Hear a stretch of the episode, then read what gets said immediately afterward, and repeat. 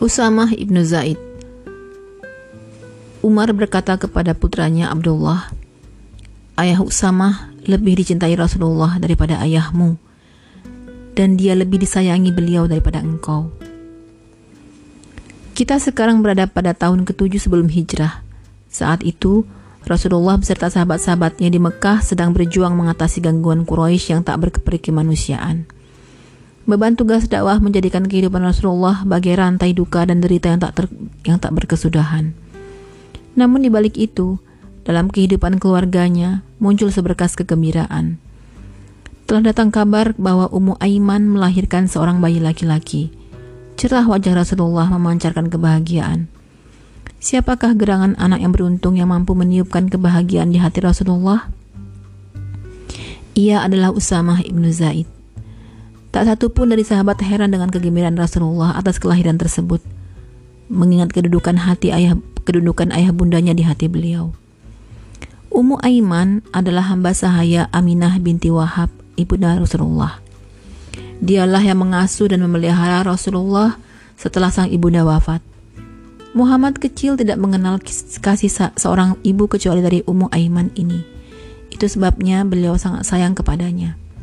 Kerap kali beliau berkata, "Dia adalah ibuku setelah ibu kandungku dan sisa keluargaku dari dari rumahku." Ummu Aiman lah bunda dari anak yang beruntung itu. Sedangkan ayahnya adalah kesayangan Rasulullah Zaid ibnu Harithah. Zaid adalah anak angkat sebelum Islam, teman dan tempat berbagi rahasia bagi Rasulullah. Dia dianggap sebagai salah satu anggota keluarga dan teramat dicintai setelah Islam. Kaum muslimin turut bergembira dengan lahirnya Usamah ibnu Zaid karena kelahirannya menggembirakan Rasulullah. Setiap hal yang membuat Rasulullah senang selalu disenangi oleh mereka. Mereka menjuluki anak itu kesayangan Rasulullah. Julukan tersebut tidaklah berlebihan karena Rasulullah memang sangat sayang kepadanya. Usamah sebaya dengan cucu beliau dari Fatimah Az-Zahra, Hasan. Bedanya, Hasan berkulit putih bersih mirip kakeknya, sedangkan Usama hitam lagi pesek hidungnya seperti ibunya yang keturunan Habasyi. Tetapi Rasulullah tidak pilih kasih. Ada kalanya beliau menaruh Usamah di sebelah pahanya dan Hasan di paha yang lain. Mereka kemudian didekap erat sambil berkata, Ya Allah, aku sayang kepada keduanya, maka sayangilah mereka. Pernah Usamah jatuh terbentur pintu sampai dahinya terluka dan mengeluarkan banyak darah. Rasulullah segera memberi isyarat kepada Aisyah agar membersihkan darah yang berlelehan di wajah bocah itu. Tetapi Ummul Mukminin ini tidak sigap sehingga Rasulullah langsung turun tangan sendiri membersihkan lukanya. Membersihkan darahnya sambil berusaha mendiamkannya dengan kata-kata lucu. Sebagaimana disukai pada waktu kecil, Usamah tetap disayangi ketika remaja. Pada satu hari, Rasulullah mendapat hadiah seperangkat pakaian yang sangat mahal dari Yunan, Yaman. Pemberinya adalah Hakim Ibnu Hizam, salah satu tokoh Quraisy. Pakaian seharga 50 dinar emas itu pernah dipakai oleh Raja Yaman Saif Ibnu Zuyazan. Rasulullah menolak hadiah tersebut karena saat itu Hakim Ibnu Hizam masih musyrik. Akhirnya, pakaian itu diambil dengan harganya dan hanya dipakai sekali saja oleh Rasulullah pada hari Jumat. Selanjutnya diberikan kepada Usamah Ibnu Zaid. Anak itu suka memakainya bila sedang bermain bersama para pemuda muhajirin dan ansor yang sebaya. Menginjak usia remaja, sudah tampak pada diri Usamah ciri khas berupa akhlak yang baik, yang layak mendapatkan penghargaan tersendiri di hati Rasulullah. Dia sangat cerdas, pemberani, dan tegas. Pintar menempatkan segala sesuatu pada tempatnya. Jujur dan benci pada hal-hal yang keji. Keberadaannya di antara orang-orang tampak begitu serasi. Dia bijaksana dan dicintai oleh Allah dan Rasulnya. Pada waktu perang Uhud, Usamah ibnu Zaid dan beberapa putra sahabat lainnya ikut berjihad bersama Rasulullah. Sebagian dari mereka diizinkan oleh beliau, dan sebagian lainnya disuruh pulang karena masih terlalu kecil. Usamah termasuk di dalamnya. Kelompok ini pulang sambil menangis terseduh-seduh karena tak boleh ikut. Saat perang, Khandaq, kembali Usamah ibnu Zaid dan beberapa temannya mendatangi Rasulullah. Mereka berjalan dengan tubuh ditegap-tegapkan agar diizinkan ikut berperang. Rasulullah menjadi iba melihatnya, sehingga mereka diperbolehkan ikut. Waktu itu, Usamah berusia 15 tahun. Pada perang Hunain, tatkala pasukan muslimin berantakan, Usama ibnu Zaid bersama Abbas paman Rasulullah, Abu Sufyan ibnu Al Harith putra paman Rasulullah, serta enam sahabat utama lainnya tetap bertahan dengan gigih. Rasulullah bersama kelompok kecil ini bertempur mati-matian untuk mengubah keadaan. Akhirnya, kemenangan gilang gemilang berhasil diraih dan pasukan muslimin berhasil terhindar dari jebakan kaum musyrikin yang mematikan. Pada perang Mu'tah, Usamah turut bertempur di bawah panji-panji yang dipegang oleh ayahanda Zaid ibnu Harithah. Usianya saat itu belum genap 18 tahun. Dengan mata kepalanya sendiri, dia menyaksikan ayahandanya gugur. Namun hal tersebut tidak membuatnya patah semangat. Justru tekadnya semakin kuat. Dia terus bertempur di bawah komando Ja'far ibnu Abi Thalib. Kemudian Abdullah ibnu Rawahah juga di bawah komando Khalid ibnu Walid yang akhirnya mampu menyelamatkan pasukan yang kecil itu dari cengkeraman Romawi. Usamah turut, turut pulang ke Madinah. Disertai sikap sabar, dia meninggalkan ayahnya di sisi Allah serta membiarkan jenazahnya yang suci di lembah Syam.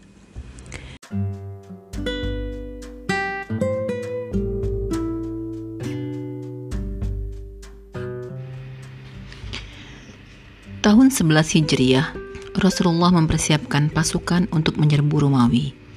Di dalamnya terdapat Abu Bakar, Umar ibnu Khattab, Sa'ad ibnu Abi Waqqash, dan Ubaidah ibnu Al-Jarrah, serta tokoh-tokoh sahabat lainnya. Sebagai panglima, Rasulullah menetapkan Usamah ibnu Zaid, padahal waktu itu belum lagi genap 20 tahun usianya. Rasulullah memerintahkan agar pasukan menuju ke Balqa dan benteng Darum, daerah tempat Ghosan yang termasuk daerah Romawi. Pada saat-saat persiapan ini, Rasulullah jatuh sakit. Kian hari, kian keras sakitnya, sehingga keberangkatan pasukan ditangguhkan. Usamah menuturkan, Rasulullah makin berat sakitnya. Aku menjenguk beliau bersama beberapa orang.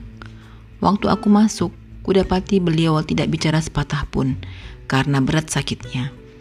Kemudian beliau meneng menengadahkan tangan ke langit dan mengusapkannya padaku.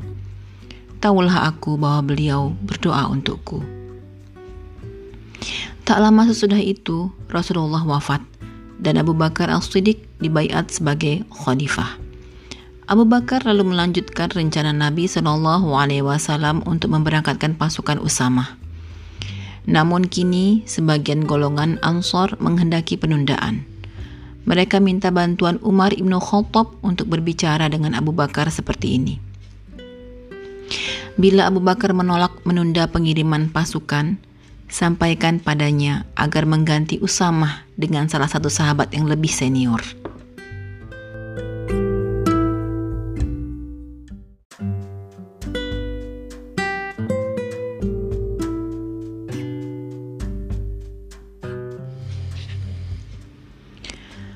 Merah padam wajah Abu Bakar demi mendengar tentang surutnya golongan Ansor ini. Dia langsung melompat dari duduknya dan menarik jenggot Umar keras-keras. Katanya dengan marah, Terkutuklah engkau putra Khattab. Rasulullah sendiri yang memilihnya, lalu kau suruh aku menggantinya. Demi Allah, ini tidak akan terjadi. Keras dalam jahiliyah, lembek dalam Islam. Umar kembali kepada orang-orang yang menyuruhnya. Ketika mereka menanyainya, dia ganti membentak. Keparat kalian, gara-gara kalian aku dimaki oleh khalifah Rasul. Enyahlah kalian dari hadapanku kalau tak mau melaksanakan perintah Rasulullah. Akhirnya berangkat juga pasukan muslimin itu dengan dipimpin oleh panglima termuda dalam Islam Usamah ibnu Zaid. Khalifah Abu Bakar melepaskannya sambil berjalan kaki di sisi kuda Usamah. Pemuda itu menjadi riku, katanya. Sebaiknya Anda yang berkuda dan aku turun. Abu Bakar menolak. Demi Allah, engkau tidak boleh turun dan aku akan tetap berjalan kaki. Sudahlah, mengapa kalian menghalangiku berjalan sebentar saja untuk visabilillah? Dia kemudian berpesan, kutitipkan agamamu, amanahmu, dan penutup amalanmu.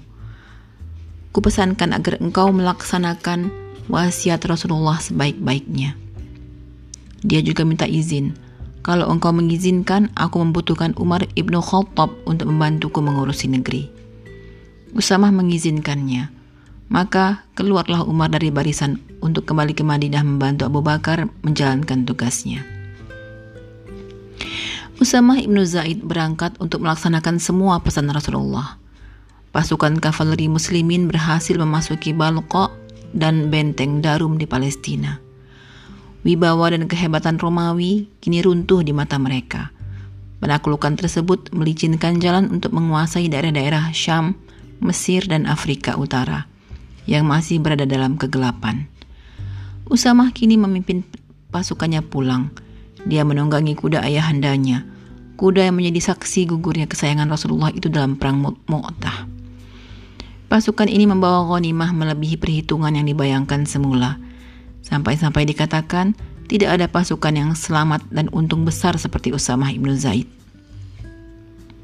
Selama hidupnya, Usamah tetap mendapatkan penghargaan dan cinta dari kaum muslimin. Mereka menghargainya karena kepribadiannya dan mencintainya karena Rasulullah mencintainya.